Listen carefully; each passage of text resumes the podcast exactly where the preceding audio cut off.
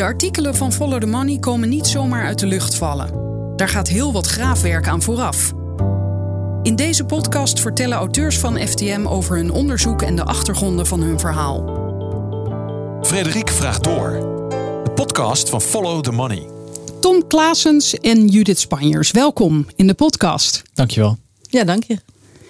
Judith, ik zei net vlak van tevoren, we gaan het volgens mij hebben over de afronding van jullie jeugdzorgonderzoek. En toen zei jij.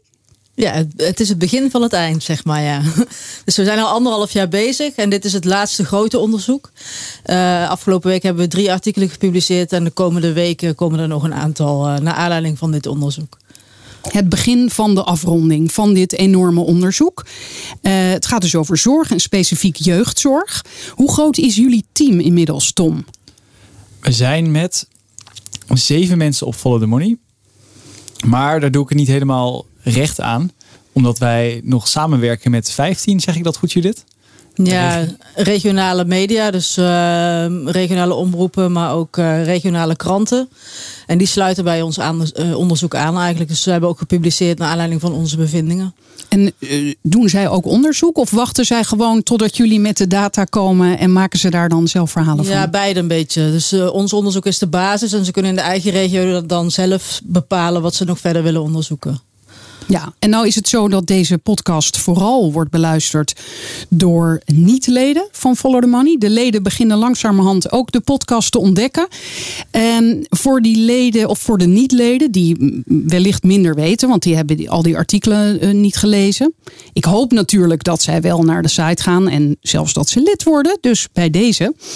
Um, die mensen zullen gemiddeld misschien bij jeugdzorg denken aan: oh ja, uh, jeugdzorg, er is geloof ik altijd een tekort aan geld. Klopt dat, Judith? Ja, dat is ook eh, de aanleiding voor ons onderzoek eigenlijk. Van, er wordt alleen maar geklaagd over tekorten. Maar waar gaat het nou eigenlijk over? Waar hebben we het nou eigenlijk over? En dat was de start van ons onderzoek. Om ja, dieper te gaan kijken naar die cijfers. Maar ook wat het voor invloed heeft op de zorg zelf. Bij jeugdbescherming is er veel aan de hand. En je ziet bij jeugdzorg, dat alles valt eronder. Alles wat met een kind te maken heeft en met een gezin waar het niet goed gaat. Dat kan bij jeugdzorg vallen. Dus dat kan gaan van suïcidale kinderen tot een kind met dyslexie of een kind ja, dat gewoon uh, beter moet leren lezen of rekenen. Of uh, dat niet zo lekker in zijn vel zit. Of die bang is voor een hond. Het gaat van hoog tot laag. En uh, alles zit erin eigenlijk. Ja, als je bang bent voor honden, kun je ook door jeugdzorg geholpen worden? Ja, zeker. Ja. En uh, ja, dat is ook de discussie naar aanleiding van al onze verhalen. Dat we, ja, wat ook oproept van, goh, waar gaat het geld nou eigenlijk heen en waarom? En uh, zouden we daar niet iets selectiever in moeten zijn? Want als we alles jeugdzorg noemen, dan iedereen kan wel hulp gebruiken. Uh, maar hoe selectief zijn we en hoeveel geld gaan we er nog bij gooien om ja, iedereen maar uh, het recht op zorg te geven?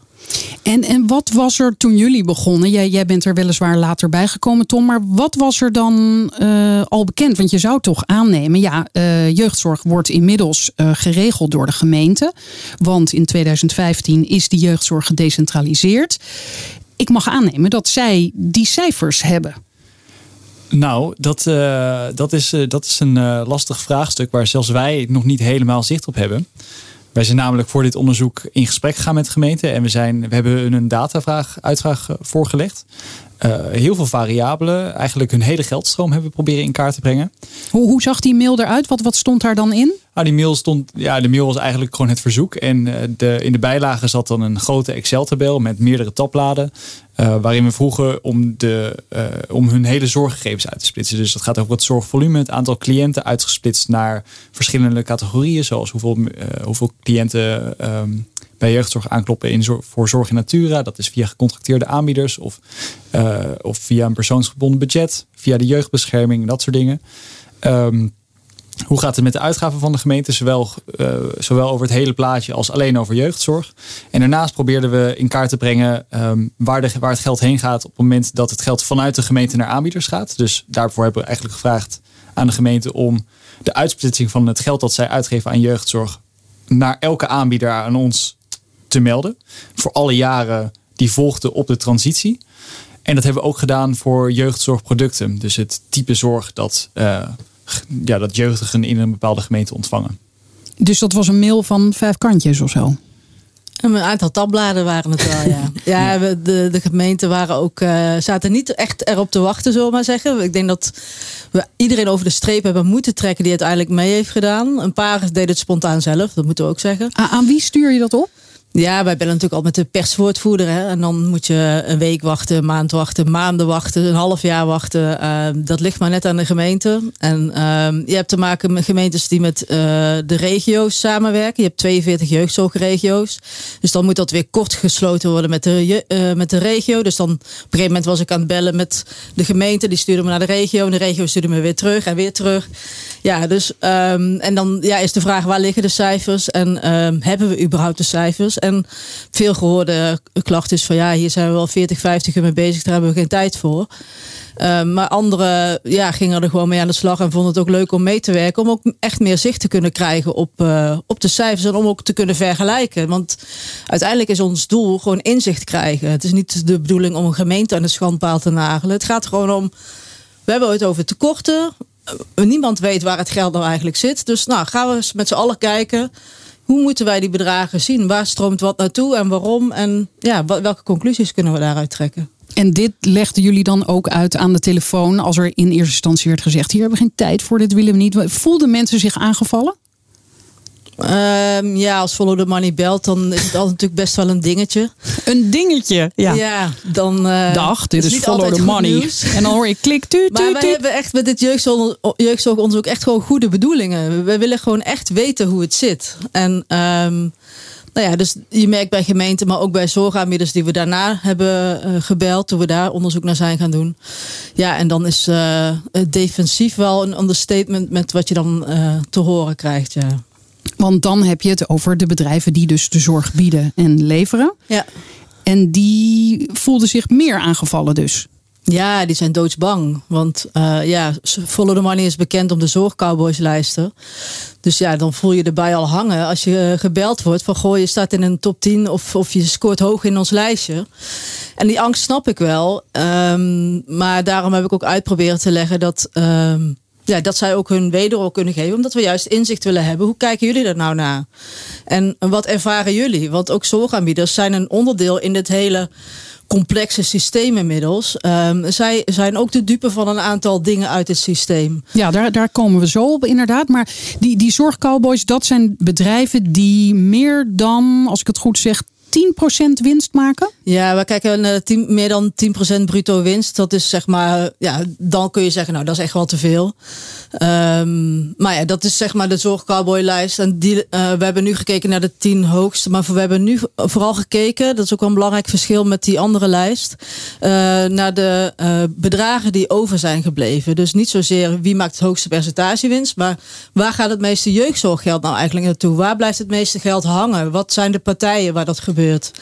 En dus we hebben echt naar de absolute cijfers gekeken nu. Ook omdat eenmanszaken en VOF's, die kun je niet met percentages benoemen. Omdat zij, eh, ja, hun loon gaat er nog af en de belasting. Dus dat winstpercentage zou niet eerlijk zijn.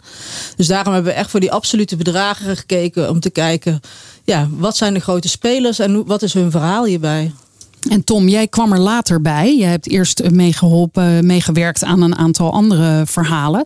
Ik heb je ook eerder gesproken in de podcast over die eh, Oostenrijkse jongen die eh, met zijn hobby de voetbaltransfermarkt beïnvloedt. Die, podcast is ook nog te beluisteren, samen met Pepijn Keppel. En eh, wat, wat wist jij hiervan toen je mee ging doen met het onderzoek? Ehm, nou, eigenlijk eh, putte ik mijn kennis ook vooral uit eh, wat we met Follow the Money hadden gedaan. En de, de kennis van mijn collega's natuurlijk. Ehm, die hebben mij redelijk snel bijgespijkerd. Eh, voordat ik erbij zat, zat er een andere datajournalist bij het team. Dat, die heet Jeroen Wijnen. Die werkt niet meer bij Follow the Money. Die is het, inmiddels met een andere uitdaging bezig. Ehm, en hij heeft de beginfase van het onderzoek gedaan. Ik heb het op een gegeven moment gewoon overgenomen vanuit de kennis van onder andere Judith. En je zei net van tevoren, dat vond ik een mooi woord. Ja, eh, want ik dacht, ik ga even een beetje meepraten met jou, datajournalist. Ik zei, ja, hoe ging dat data minen? En toen dacht ik, wat zeg ik nu? Klopt dit wel? Nee, Frederik, dit is geen data minen. En toen zei jij, je moet het eigenlijk zien als Excel-ontmoetingen. Excel-ontmoetingen. Nou, ontmoetingen is misschien niet helemaal het goed woord, maar ehm, wat we hebben proberen te maken, dat komt natuurlijk ook voort uit die data-uitvraag die wij bij de gemeente hebben neergelegd. Die sturen ons allemaal Excels toe. Dat proberen we uh, samen te voegen. Dat hebben we gedaan op de achtergrond van onze website in een uh, dashboard. Kunnen de journalisten die meewerken aan dit onderzoek bij. En daarin staan alle gegevens uit die data-uitvraag uh, van bij de gemeente die staan daar als het ware weergegeven. En, en kan je daar een paar voorbeelden van noemen? Wat, wat zie ik? Wat zou ik daar zien? Uh, nou, je zou bijvoorbeeld, uh, je ziet daar dus wat gemeente X, ik zeg maar, ik noem maar een gemeente die mee heeft gedaan aan ons onderzoek Arnhem, uitgegeven heeft aan zorgaanbieder B voor een bepaald type zorg. Dus je zou exact kunnen zien hoeveel er in Arnhem bijvoorbeeld aan dyslexiezorg is uitgegeven. Uh, en dat ook nog eens kunnen uitsplitsen naar welke, welke verschillende aanbieders dat zijn en of die aanbieders groeien van jaar tot jaar. Oké, dus daar zie je al die gegevens. En waar zit dan die ontmoeting in? Nou, die ontmoeting zit denk ik vooral op het moment dat we het andere deel van het dataonderzoek erbij halen omdat de gemeentelijke data-uitvraag maar één gedeelte van ons onderzoek is geweest. Um, het ministerie van Volksgezondheid, Welzijn en Sport. Die hebben een centraal dataregister. Daarin worden alle jaarrekeningen van de, uh, van de jeugdzorgaanbieders bijgehouden. Die moeten zich daarbij verantwoorden, omdat ze nu eenmaal een maatschappelijke positie innemen in uh, onze samenleving. En daar worden alle financiële gegevens bijgehouden voor zover ze verantwoord worden door de jeugdzorgaanbieders. Want het is verplicht, maar kennelijk doen ze het toch niet allemaal. Um, ja, ja, inderdaad, ze doen het niet allemaal. En dat komt onder meer doordat uh, soms uh, bedrijven in een onderdeel zijn van een groot concern. Daar staat dan een grote stichting bijvoorbeeld boven. En die leveren dan één keer de financiële cijfers in van al die bedrijven die in dat concern hangen. Uh, soms ook niet. Soms leveren ze juist allemaal apart hun, hun, jaar, hun jaarcijfers in. En sommige bedrijven leveren wel een jaarrekening in, maar vullen niet de datasheets in die door het ministerie worden uitgevraagd. Dus die dataset is ook niet helemaal compleet. En daarnaast zijn er nog eenmanszaken zonder personeel. Die zijn niet, ja, die zijn niet verplicht om hun eh, financiën te verantwoorden. Dus die zijn er ook niet in. Dus een echt compleet beeld heb je daar niet uit. Maar je hebt wel het meest complete beeld dat je kan krijgen. En als ik het zo hoor, dan heeft gelukkig VWS een behoorlijk overzicht. Ja, dat klopt inderdaad. Ja. En daar vindt die ontmoeting plaats. Omdat we met onze eigen data bij de gemeente zicht hebben op de geldstroom van de gemeente naar de zorgaanbieders. En vanuit het ministerie hebben we zicht op de, op de geldstroom van de zorgaanbieders naar de zorg toe. En dat is waar die ontmoeting plaatsvindt. Oké, maar eh, ik heb begrepen dat Follow the Money nu een completere database heeft dan wie dan ook op dit vlak. Dus ook dan het ministerie. Dat denk ik wel, want de Tweede Kamer die heeft deze gegevens in ieder geval nog niet. En uh, die hebben daar wel heel lang om gevraagd. En uh, ja, veel mensen vragen zich naar ons onderzoek ook af van ja, maar waarom doet de overheid het niet en waarom doet Follow the Money dit dan? Uh, ja, dat is ook mijn vraag. Ik zou het niet weten, want ze kunnen dit heel makkelijk doen. En die dataset die staat er al jaren op en ik doe al jaren onderzoek. Ik heb echt niet het idee dat iemand daarnaar kijkt, behalve wij.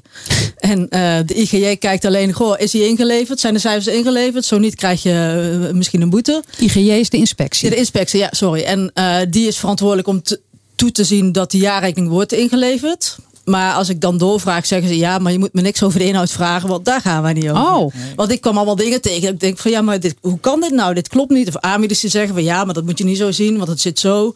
Ik mag dit wel zo verantwoorden. Ja, en dan moet ik terug. Ja, uiteindelijk is de IGJ degene die over het toezicht gaat op die jaarrekening. Maar ja, die zegt dus dat ze eigenlijk nergens naar kijken. Dus um, ja, we leveren het allemaal in. Maar ja, wie er naar kijkt, het is mij onduidelijk. Dus uh, nou ja, wij maken er in ieder geval goed gebruik van. En hoe werken jullie dan samen? Want jij, Tom, uh, brengt al die Excels bij elkaar. Ja. En hoe krijg jij dan weer je informatie?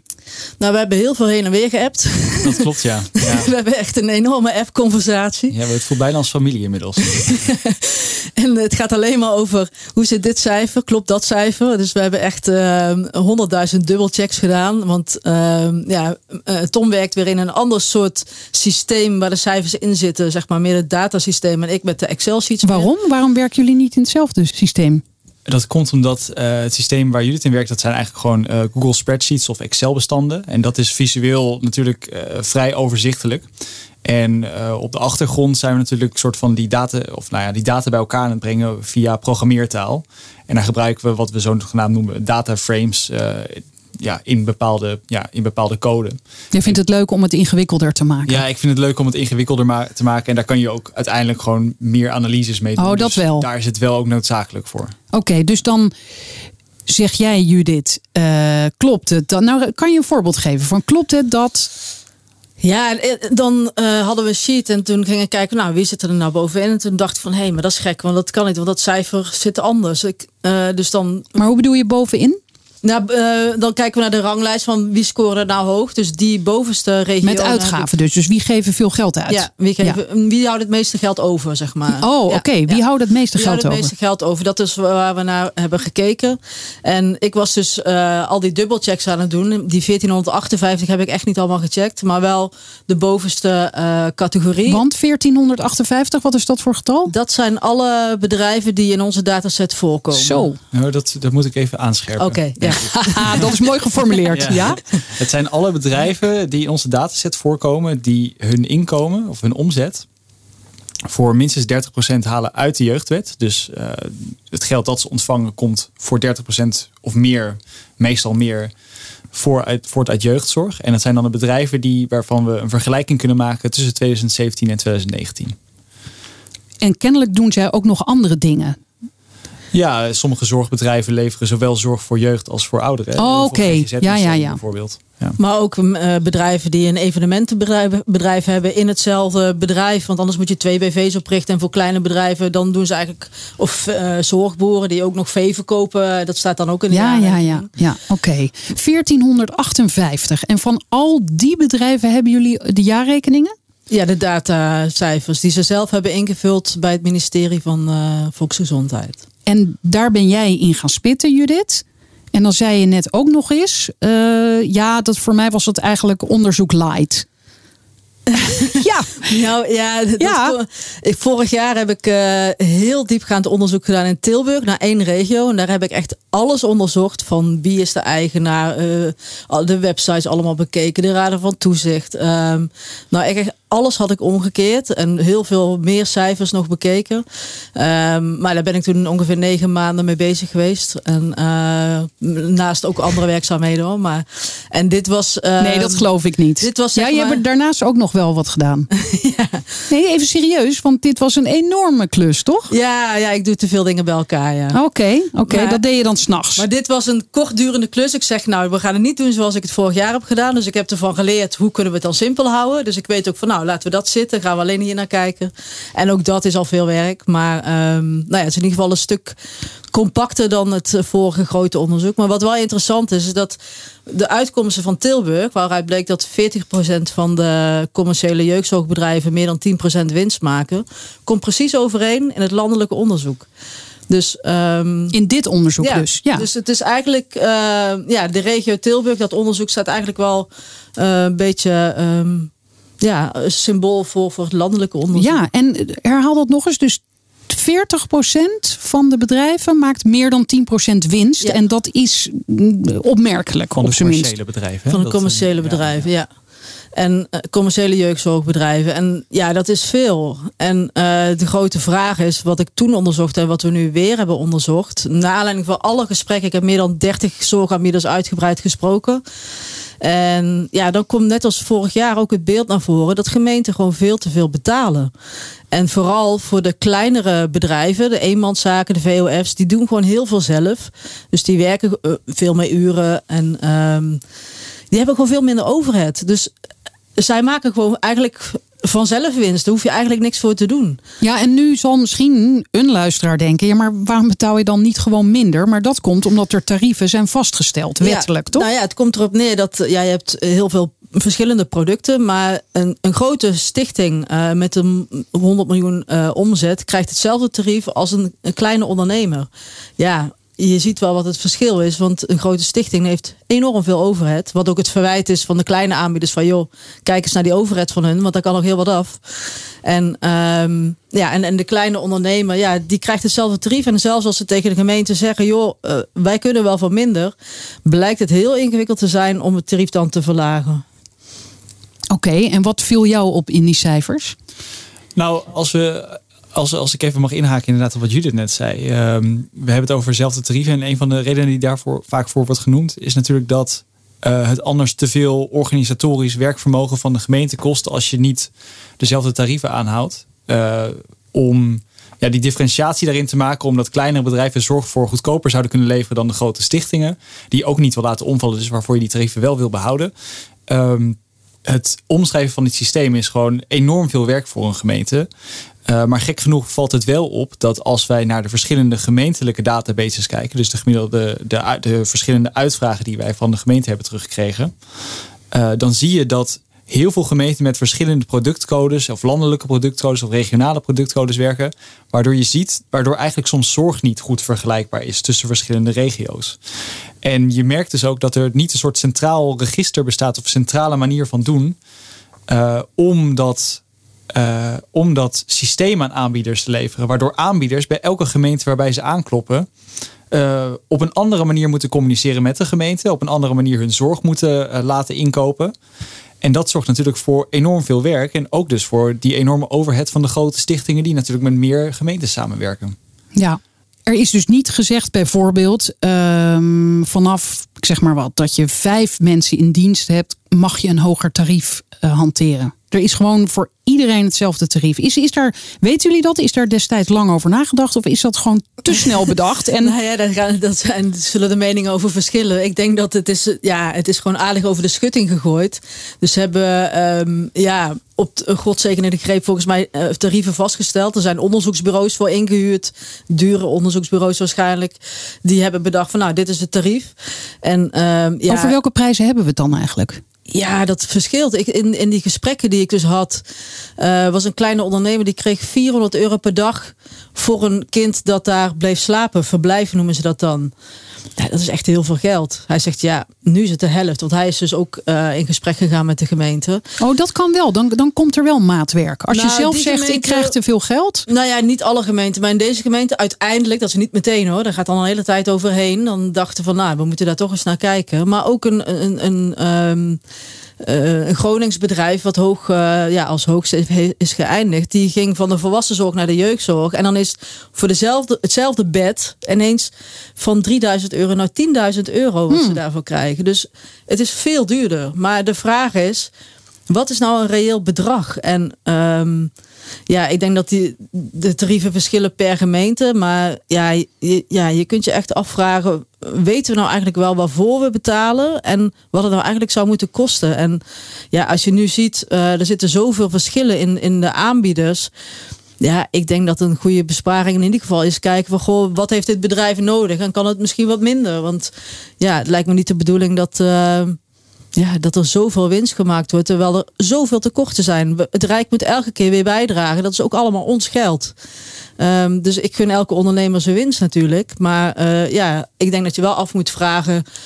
Wat is nog reëel en wat niet? En als je als eenmanszaak in drie jaar tijd uh, meer dan een miljoen euro bruto wint, zeg maar, dan moet dan nog loon en belasting af. Maar nou ja, dat zijn toch wel flinke bedragen. Ja, behoorlijk meer inderdaad. te verdient. Meer dan Rutte verdient. Ja. En jij zei net, ik ben met al die bedrijven in gesprek gegaan. Was dat telefonisch of ben je langs gegaan? Ik heb bijna alles telefonisch gedaan, omdat de tijd echt heel krap was. Maar twee bedrijven stonden er echt op dat ik langs moest komen. Nou, toen heb ik uh, toevallig, zaten ze bij elkaar in de buurt. Dus waar, gezegd, waar was dat? Uh, Zoetermeer.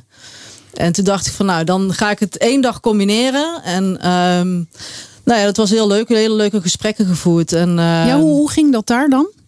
Door wie ja, werd je ontvangen? nou ja, het waren twee verschillende bedrijven. Het was een, een groot bedrijf waarbij je dus uh, tegenover drie mensen zat, zeg maar. Een soort tribunaal. een soort tribunaal, ja. Maar ja, het was een heel leuk gesprek. En uh, nou ja, dan, dan probeer Maar een heel leuk gesprek. Wat is daar leuk aan dan? Nou, wat ik leuk vind is om um, te sparren over hoe kijken jullie er nou naar? Hoe, hoe, wat, hoe, hoe zien jullie dit systeem? Maar ik wil toch eerst weten. Dus jij komt binnen, je krijgt koffie, hoop ik, of de thee.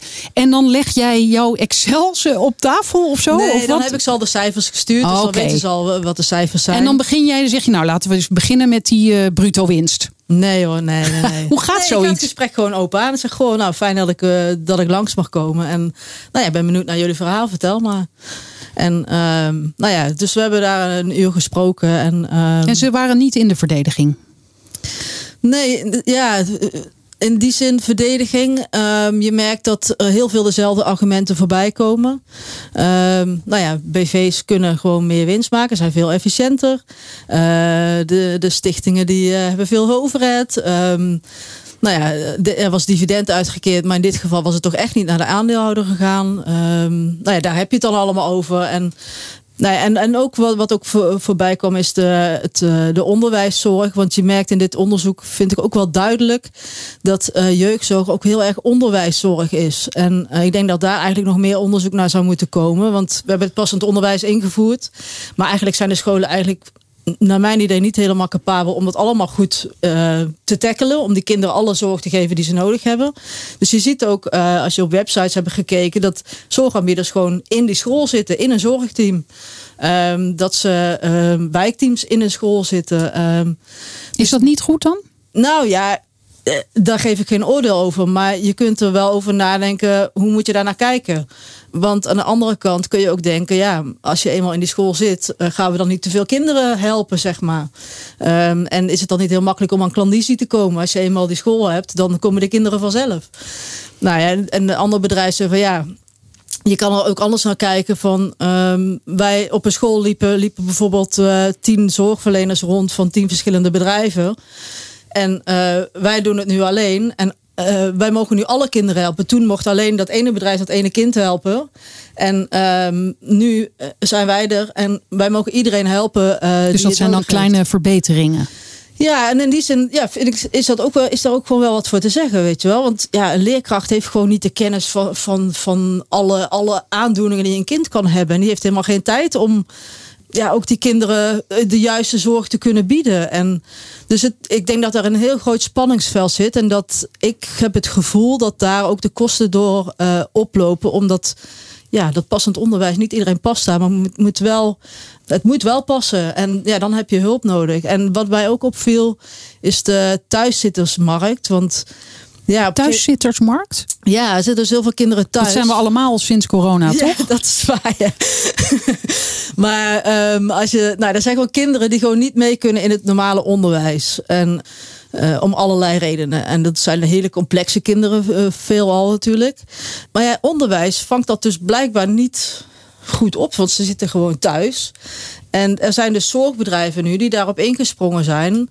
Uh, niet per se uit commercieel oogpunt, maar gewoon omdat die kinderen, ja, die wil je gewoon niet thuis hebben zitten. Nee. Die, die wil je gewoon op weg helpen. helpen ja. En ik ben dus ook bij een ander bedrijf geweest die dat ook is gaan doen. En nou, ik vond het wel mooi om te zien wat ze daar hadden. Dus ze hebben daar zeg maar ook klasjes. Maar dan, um, ja, die kinderen, dus om die kinderen in ieder geval structuur te geven. En die zitten niet de hele dag in die klas zoals je normaal in een klas zit. Maar die worden, ja, die krijgen veel begeleiding en ja, er is in ieder geval een dagstructuur voor ze. En ja, daar is ook wat voor te zeggen. En maar wat ik wel gek vind, is dat er niet echt, naar mijn idee, wat ik eruit heb op kunnen maken, een, een beleid is. Want elke zorgaanbieder mag aanbieden wat hij wil. Uh, er was ook een, uh, een zorgboer. Um, daar zitten ook veel thuiszitters. Nou, die, die ging sporten met ze. Die kreeg, gaven dan een uur huiswerkbegeleiding. Maar ja, wat is er nodig voor een kind dat thuis zit? Um, volgens mij, nou, naar mijn idee, wat ik heb uh, gehoord met bedrijven die ik heb gesproken. Ja, iedereen doet eigenlijk, geeft zijn eigen aanbod. Maar. Ging jij mee naar die gesprekken, Tom? Nee, ik was er niet bij. Nee, ik zit. Uh... Mocht je niet mee? uh, nou, of wilde je liever niet mee? nou, het is misschien een beetje tweeledig. Maar ik denk dat uh, ik al zoveel bezig was met, uh, met alle cijfers goed op een rij krijgen dat het ook in de taakverdeling van het team gewoon beter uitkwam als Judith deze stappen alleen deed. En zo hadden andere teamleden van ons team jeugdzorg ook gewoon hun, hun personen met wie ze praten. Dus dat is gewoon een bepaalde taakverdeling die wij zo hebben. Ja, en, ja. en wat vinden die bedrijven er nou van dat Follow the Money dit allemaal in kaart brengt? Ja, er zijn echt wisselende reacties. Ik heb uh, bedrijven die me nooit hebben teruggebeld. Waarvan de secretaresse zei van, uh, nou als ze interesse hebben dan bellen ze wel terug. Nou, nooit meer wat gehoord. Drie keer achteraan gebeld, want ik wil ze wel die kans geven om te reageren, om een verhaal te doen. Maar ja, sommige bedrijven hebben dat gewoon niet gedaan. Sommige die kwamen op het laatst toch nog met de reactie. En, maar ik heb ook gewoon heel veel uh, ja, goede gesprekken gehad. Waarbij ja, je echt op de inhoud kon ingaan. En uh, waarbij je dus ook uh, een breder beeld kreeg over het hele jeugdzorgsysteem. En ja, hoe die positie van die Amides daarin is. En ja, ook Amides die dus gewoon zeggen van ja, ik voel me niet schuldig dat ik winst maak. Want het mag, ik doe niks verkeerd. En ja, als de gemeente die tarieven geeft, ja, daar kan ik niks aan doen. Nee, en over die gemeente, want daar, dat zat natuurlijk ook in jullie onderzoek. Hoeveel gemeenten hebben er eigenlijk gereageerd? Uiteindelijk zijn het er 70, waarvan 13 eh, via een zorgregio. Dus die, hebben, dus die gemeenten hebben dan gezamenlijk met de andere gemeenten in hun zorgregio één sheet aangeleverd. Uh, maar in totaal zijn het er 70. En viel dat mee of tegen? Um, nou, voor wat we gehoopt hadden, viel dat natuurlijk tegen. Want we hadden natuurlijk het gehoopt dat heel Nederland mee zou doen. En uh, we nu een dashboard zouden hebben die de hele jeugdzorggeldstroom in kaart zou brengen. 70 is nog steeds veel. Zoals we daar net al zeiden, is het de, grootste database. Zeker vanuit gemeentelijk geld dat een jeugdzorg wordt in heel Nederland. Um, wat ik jammerder vind, is dat in de database niet altijd alle gegevens compleet zijn. Waardoor we eerlijk gezegd niet echt op de grote lijn uh, ja, heel goed kunnen vaststellen wat soms de geldstroom is. Maar dat we het altijd in patronen moeten blijven zien. Dus hoeveel, met welk percentage is het aantal cliënten gestegen, met welk percentage is het aantal, is het de kosten naar de allergrootste jeugdzorgstichtingen gestegen. Dat kunnen we wel zien. Maar dat geldt dan alleen voor de gemeenten die hebben meegedaan aan ons onderzoek en de gemiddeldes daarvan. En dan zitten er natuurlijk foutmarges uh, erop wanneer je dat wil uitbreiden naar heel Nederland. En hoe groter die groep was geweest. En zeker ook hoe groter de groep gemeenten was geweest die gedetailleerde informatie had gegeven, hoe ja, beter die inzichten zouden zijn geweest. Ja, en uh, wat voor argumenten gaven gemeenten die niet, ja, sommige reageerden helemaal niet, maar waren er ook gemeenten die een goede reden hadden om geen cijfers te leveren? Uh, ja, goede redenen zijn natuurlijk altijd bediscussieerbaar. Geen tijd. Over het algemeen was het geen tijd, inderdaad. Het was, uh, het was te veel moeite om alles uit te zoeken waar we om vroegen. Um, ja, dat kun je gek vinden omdat je verwacht dat gemeenten dit soort data misschien wel beschikbaar hadden. Maar uh, ja, ze zijn waarschijnlijk zelf ook verrast door de, de hele transitie die er is geweest. Um, sommige gemeenten willen ook gewoon niet meewerken aan uh, onderzoek van Follow the Money, omdat ze denken dat er soortgelijke onderzoeken zijn. Soms krijg je zelfs gewoon een boze meneer aan de telefoon die zegt: Kijk maar in onze jaarrekening. Nou, dan weet je dat ze onze sheet niet hebben bekeken, want die is een stuk gespecificeerder dan de jaarrekening van een gemeente.